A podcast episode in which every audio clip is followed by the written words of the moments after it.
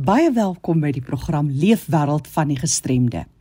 Vandag hier, ons het 'n sterk fokus op die regte van mense met gestremthede in November maand gesien en van gehoor. En nou op die 3de Desember vroeër die maand was internasionale dag vir persone met gestremthede. Die oop vraag is nou: Wag rolspelers nou tot volgende jaar om dan weer die regte van mense met gestremthede aan te spreek? Intussen, wat word van die redelike akkommodasie van mense met gestremthede op 'n daaglikse vlak? Erika de Tooi, sy is van die Vereniging van persone met gestremthede in die Wes-Kaap en lig ons in en gee ook praktiese idees om voort te bou ten opsigte van die regte en hulp aan mense met gestremthede. Kersfees is om die draai en geskenke word met Kersfees geassosieer. Daar is baie lesse te leer oor die keuses wat ons uitoefen wanneer ons geskenke soek en ook oor die rol en die waardevolle lesse wat kan spruit uit geskenke. Die bekende Barbiepop het nou in aanhalingstekens 'n nuwe sussie. Hoe word dit ontvang in 'n Down-sindroom wêreld en wat was die doelwitte daarmee? Later meer daaroor, maar nou sluit ons eers aan by kollega Fanie de Tooi in die Mooie Kaap. Oor na jou Fanie. Baie dankie Jackie. Gedurende November maand val die klem jaarliks baie sterk op die inskakeling van persone met gestremthede. Dan bou ons op na 3 Desember wat nou al verby is en dan vier ons die dag van persone met gestremthede, internasionale dag. En wat gebeur nou in Suid-Afrika die res van die jaar? Einde van hierdie jaar is naby volgende jaar. Vergeet ons dan daarvan en dan begin ons weer by 3 Desember of November maand se kant in volgende jaar weer beplan en bewusmaking skep. Kom ons hoor wat sê mense op die grondvlak. Erika de Toey is van die Weskaapse Vereniging vir persone met gestremthede. Erika, welkom by RSG. Dankie Fanie, dit is altyd heerlik om by julle te kuier. Erika, wat sê jy vir ons julle organisasie hier in die Weskaap oor die internasionale dag? Ja, Fanie, op die dag self is daar baie geleenthede en veldtogte wat reg oor Suid-Afrika plaasvind wat deur die verskeie organisasies op hierdie gebied aangebied word en dit skyn dan die lig op die regte van persone met gestremthede natuurlik. Maar soos julle dit ervaar, is daar nou nog 'n behoefte. Ons is al nou amper 3 dekades in die nuwe demokrasie vir bewusmaking en steenwerwing en dis meer. Ja, beslis. Ehm um, ons het natuurlik hoofstuk 2 van die grondwet wat die handves van menseregte is en allerlei ander wetgewing. Maar die stukke wetgewing is almal ontwerp om nie net gelyke regte vir persone met gestremthede te bevorder nie, maar om geleenthede ook in alle aspekte van die lewe te bied wat dit nie voorheen bestaan het nie.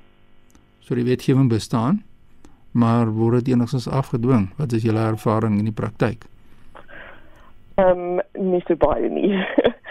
so as 'n mens net rondkyk, ehm um, in die in die samelewing kan 'n mens sien dat persone met gestremthede opvallend is deur hul afwesigheid. So die beste wetgewing in die wêreld is van geen nut as dit grootliks geïgnoreer word. So geboue word steeds opgerig wat omtrent so 15% van ons bevolking heeltemal uitsluit en slegs omtrent 1% van alle persone met gestremthede het winsgewende werk. So mense met gestremthede word steeds geviktimiseer en mishandel uitgesluit uit die samelewings. Bekwame mense het geen idee van hoe om met iemand met 'n beperking of 'n gestremdheid te kommunikeer nie. So wat sou jy sê in die praktyk is die grootste struikelblok wat julle nou as 'n vereniging wat elke dag met mense werk, julle het verskillende takke dwars oor die Weskaap en julle ervaring, wat is daai uitdagings? Die uitdagings onder persone met gestremthede, soos wat hulle aan my vertel het, is dat die enkele hindernis wat die meeste gestremd maak is mense se houdings. So wetgewing is goed en die afdwinging daarvan is is goed, maar mense se houdings aan die ander kant is baie moeiliker om te verander. En hierdie diskriminasie is aangeleerde gedrag wat van kleins af vir ons geleer is. So houdings word met die verloop van jare gevorm en en ons as organisasie erken dat dit baie jare kan neem om al hierdie stereotypes en wanpersepsies te bekamp maar ons sal aanhou daaraan werk En dan moet ons dit elke dag van die jaar eintlik doen en nie net doen rondom 3 Desember nie.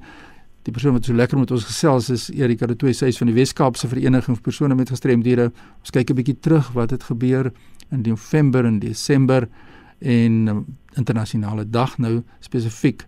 Jy noem nou jy gaan nooit ophou moet veg en opstaan vir die regte van persone met gestremthede nie soos wat ek nou verstaan en waar begin 'n mens? So fanie die eerste stap in die proses is sekerlik net om te erken dat persone met beperkings of gestremthede eerstens mense is en hulle het 'n gelyke reg op lewe, op opvoeding en uh mobiliteit, veiligheid en en so aan. So slegs dat die samelewing erken dat alle persone, insluitend diegene met beperkings gelyk is, sal daardie onkunde werklik begin draai. Nou ek het 'n brief hier Erika van iemand wat sê my werkgewer weier om vir my redelike akkommodasie in lyn met die wetgewing dan in plek te stel. Nou wat sê mens vir so 'n luisteraar? Ja, dis dis 'n moeilike ene, maar maar ook nie so moeilik nie.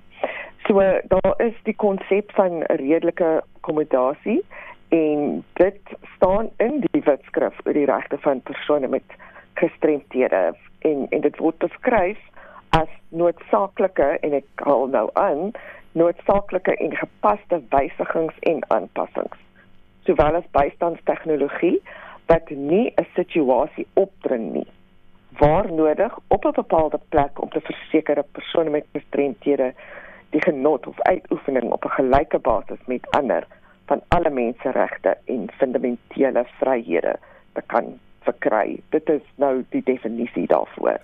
Ja, maar wat is die doel nou van hierdie redelike akkommodasie?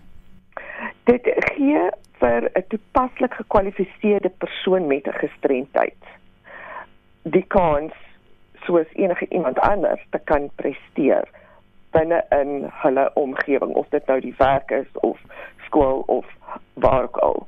Ehm um, en daar is verskeie tipes redelike akkommodasie.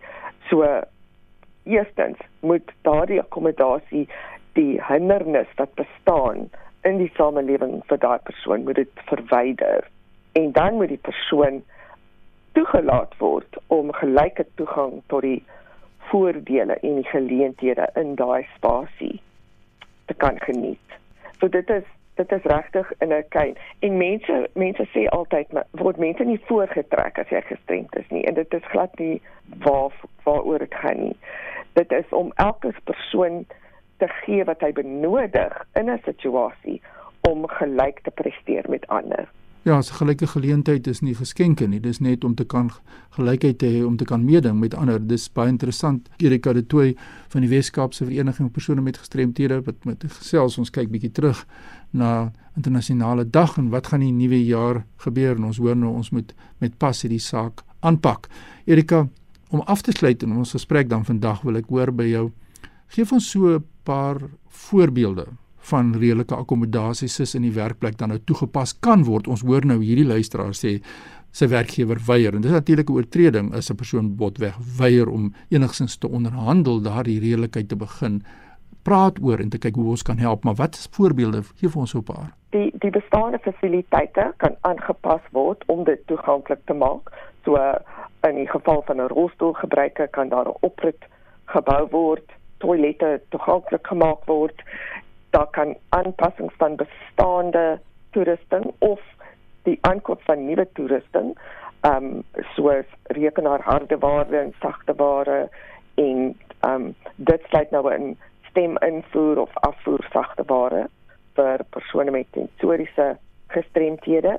Die persoon in die werk opset kan die persoon se werkspasie georganiseer word die lesenaar kan bietjie hoër gemaak word die uh, telefoon kan harder gestel word byvoorbeeld ek dink nou aan opleiding of assesseringsmateriaal en stelsels wat ook kan aangepas word. Byvoorbeeld dat dit in elektroniese formaat beskikbaar is of band herstrukturering van 'n pos miskien sodat die persoon die noodsaaklike funksies kan kan hanteer en die nie noodsaaklike funksies soos byvoorbeeld leesering um of briewe skryf kan aan iemand anders gegee word. Daar is ook um werksure en verlof miskien waar iemand 'n langer middagete miskien nodig het om te gaan rus. Dink nou aan uh rolstoelgebruikers wat vir 'n rukkie buite hulle rolstoele moet moet kom dat hulle erns moet kan kan lê en en dit is natuurlik om druksere ter vir my. En dit is maar net net 'n paar. Ja. Ehm um, ja, daar is daar is anders, maar ons tyd is nou beperk. Ja, die tyd is beperk en ek dink die luisteraar se vraag is, moet dit toegestaan word? Dit moet dit moontlik wees om te kan onderhandel. Dit is baie baie duidelik. Jy het dit vir ons baie duidelik uiteengesit. So as hierdie ja. luisteraar of ander luisteraars wat voel dat hulle nie gelyke geleenthede ontvang met jou wil skakel en jy kan hulle verwys na waar ook al in Suid-Afrika hulle self bevind in terme van strukture wat hulle kan ondersteun. Waar kry hulle vir jou en die ander Erika? Ja, mense kan vir my per e-pos kontak wat seker die beste manier is. My e-posadres is in Engels awareness@wcapd.org.za of my kantoornommer is 021 352 2881. Ja, dis die kontakbesonderhede van Erika de Tooy. Sy is verbonde by die Wes-Kaapse Vereniging vir persone met gestremthede, maar nou ja, ons is landwyd geskakel en as u enige navraag het oor redelike akkommodasie, Erika kan u verwys na die regte strukture. Erika, baie dankie, baie sterkte vir die res van die jaar, die bietjie wat oor is en ook vir volgende jaar en hierdie groot taak wat hulle het by 'n vereniging soos in die Wes-Kaap. Baie dankie Fani. En ja, dankie vir die vir die geleentheid om ons saak te stel. Nou ja, Jackie, baie dankie vir jou.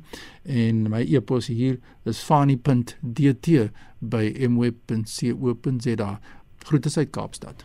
Baie dankie Fani vir jou bydrae vandag. Onthou as jy nie vinnig genoeg kon neerskryf nie of jy wil weer luister, kan jy weer gaan luister na die program. Dis beskikbaar as 'n potgooi op erisg.co.za onder potgooi. Ek gesels nou met Annelies Boot. Sy is administratiewe koördineerder van Down Syndroom Suid-Afrika. Ons gesels oor hulle organisasie en die heel nuutste toevoeging, maar voor ons daarby uitkom, Annelies, verfris eers ons geheue oor julle wonderlike ondersteuningsnetwerk van DSSA, soos julle daarna verwys. Down Syndroom Suid-Afrika bestaan reeds vanaf 1986 en is die nasionale sambreel organisasie met 12 assosiasies en uitreiktakke landwyd.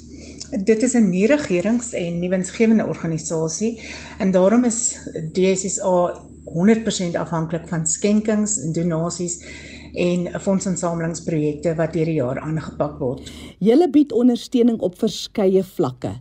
Hoe sou jy dit vir ons vandag uitrol? Uh onder andere onderwys, opleiding, gesondheid, werkgewing, wetgewing, selfadvokate en dan ook uh, baie belangrik bewusmaking. DSS is ook deel van die Afrika Down Syndroom netwerk.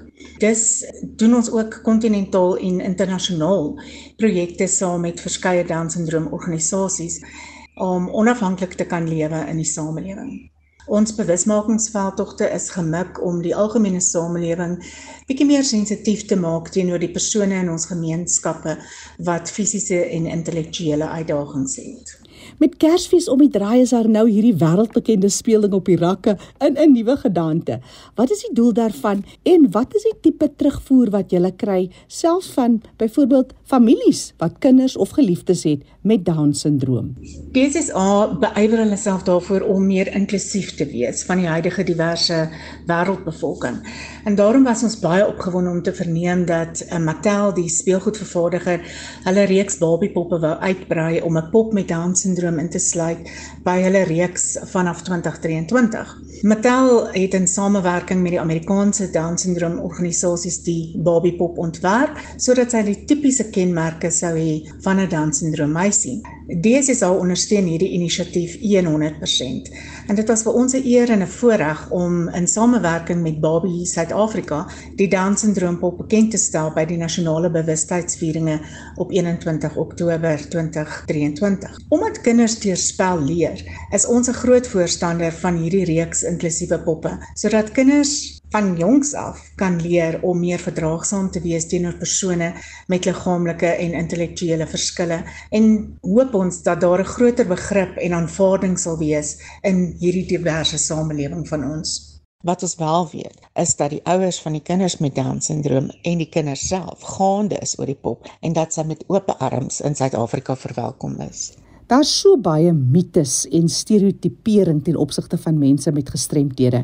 Wat is van die mites by Down-sindroom wat jy vandag uit die weg wil ruim en dalk so kykie in julle nuwejaarsplanne? Die persepsie onder Jan publiek reg oor die wêreld is dat persone met Down-sindroom nie in staat is om 'n normale en onafhanklike lewe te lei nie.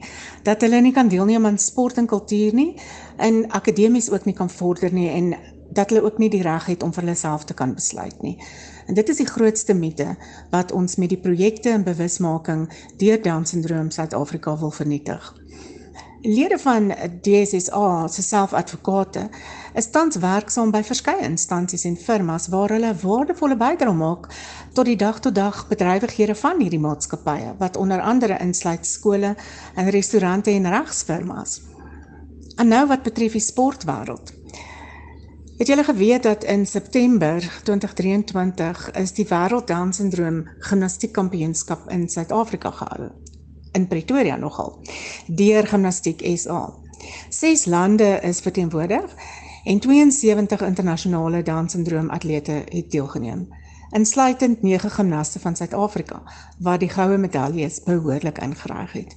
Ons monde het oopgehang vir wat hierdie atlete kon vermag. Ons het ook ander sien presteer op die ijskaatsbaan, in dans en swem, hokkie, sokker en atletiek. So daar's feitelik geen aktiwiteit waaraan persone met Down-sindroom nie kan deelneem en in presteer nie. Victoria's Secret het onlangs aan 'n model met Down-sindroom 'n kontrak aangebied. En tans kan fliekgangers in die nuutste Hunger Games film vir die 14-jarige Sofia Sanchez, 'n aktrise met Down-sindroom, te sien kry. Van ons lede tree gereeld op by nasionale en internasionale konferensies as sprekers en paneeldeelnemers. En dit is belangrik dat hulle opinies ook deel vorm van algemene gesprekforums. Dit is immers hulle lewe en die besluite wat gemaak word, raak hulle direk. So, hoekom kan ons nie vir hulle die geleentheid gee om te sê hoe hulle daaroor voel nie? DSSA het 'n baie sterk selfadvokate groep met lede reg oor die land. COVID het vir ons baie duidelik gewys dat die jonger en ouer persone met Down-sindroom vereensaam en dat hulle nodig het om sosiaal met mekaar te kan verkeer. So hierdie groep ontmoet eenmaal per maand via Zoom en dan gesels hulle oor onderwerpe wat hulle raak, deel hulle belangstellings, leer mekaar ken.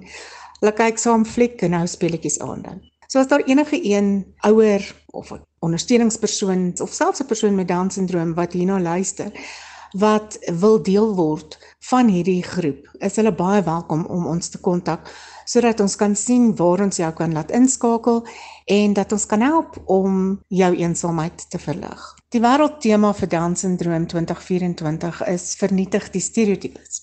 En dit is Down-sindroom Suid-Afrika se doel en missie om soveel moontlik geleenthede te skep vir alle rolspelers wat te doen het met Down-sindroom in 2024 om nader te beweeg sodat ons die volle insluiting op alle terreine van persone met Down-sindroom in die Suid-Afrikaanse gemeenskap kan bewerkstellig.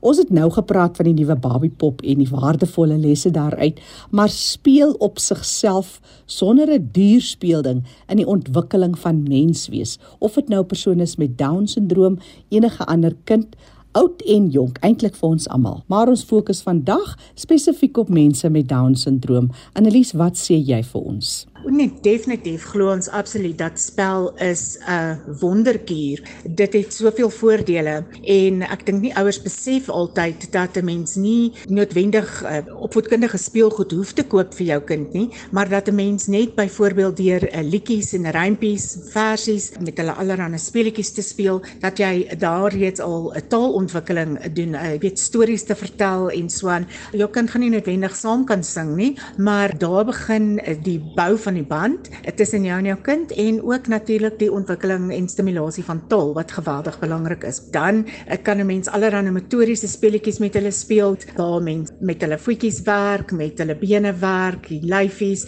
die vingertjies in die arms, die koppie, die nek styf maak. So daar's 'n ongelooflike aantal oefeninge en raad wat 'n mens vir ouers kan gee om hulle kinders eerder vroeër as later te begin blootstel aan die ontwikkeling. En dan is ons ook 'n baie groot voorstander dat 'n mens reeds binne die eerste paar weke jou kind hieraan begin blootstel en nie vir te lank wag nie. Ek vertel graag die storie van een van ons selfadvokate wat by geboorte het die nuus aan sy ouers oorgedra uh, dat hy nie eintlik gaan ontwikkel nie en dat hulle hom uh, maar huis toe moet vat en maar net moet versorg maar dat hy nooit sal kan lees, skryf of self skool toe gaan nie.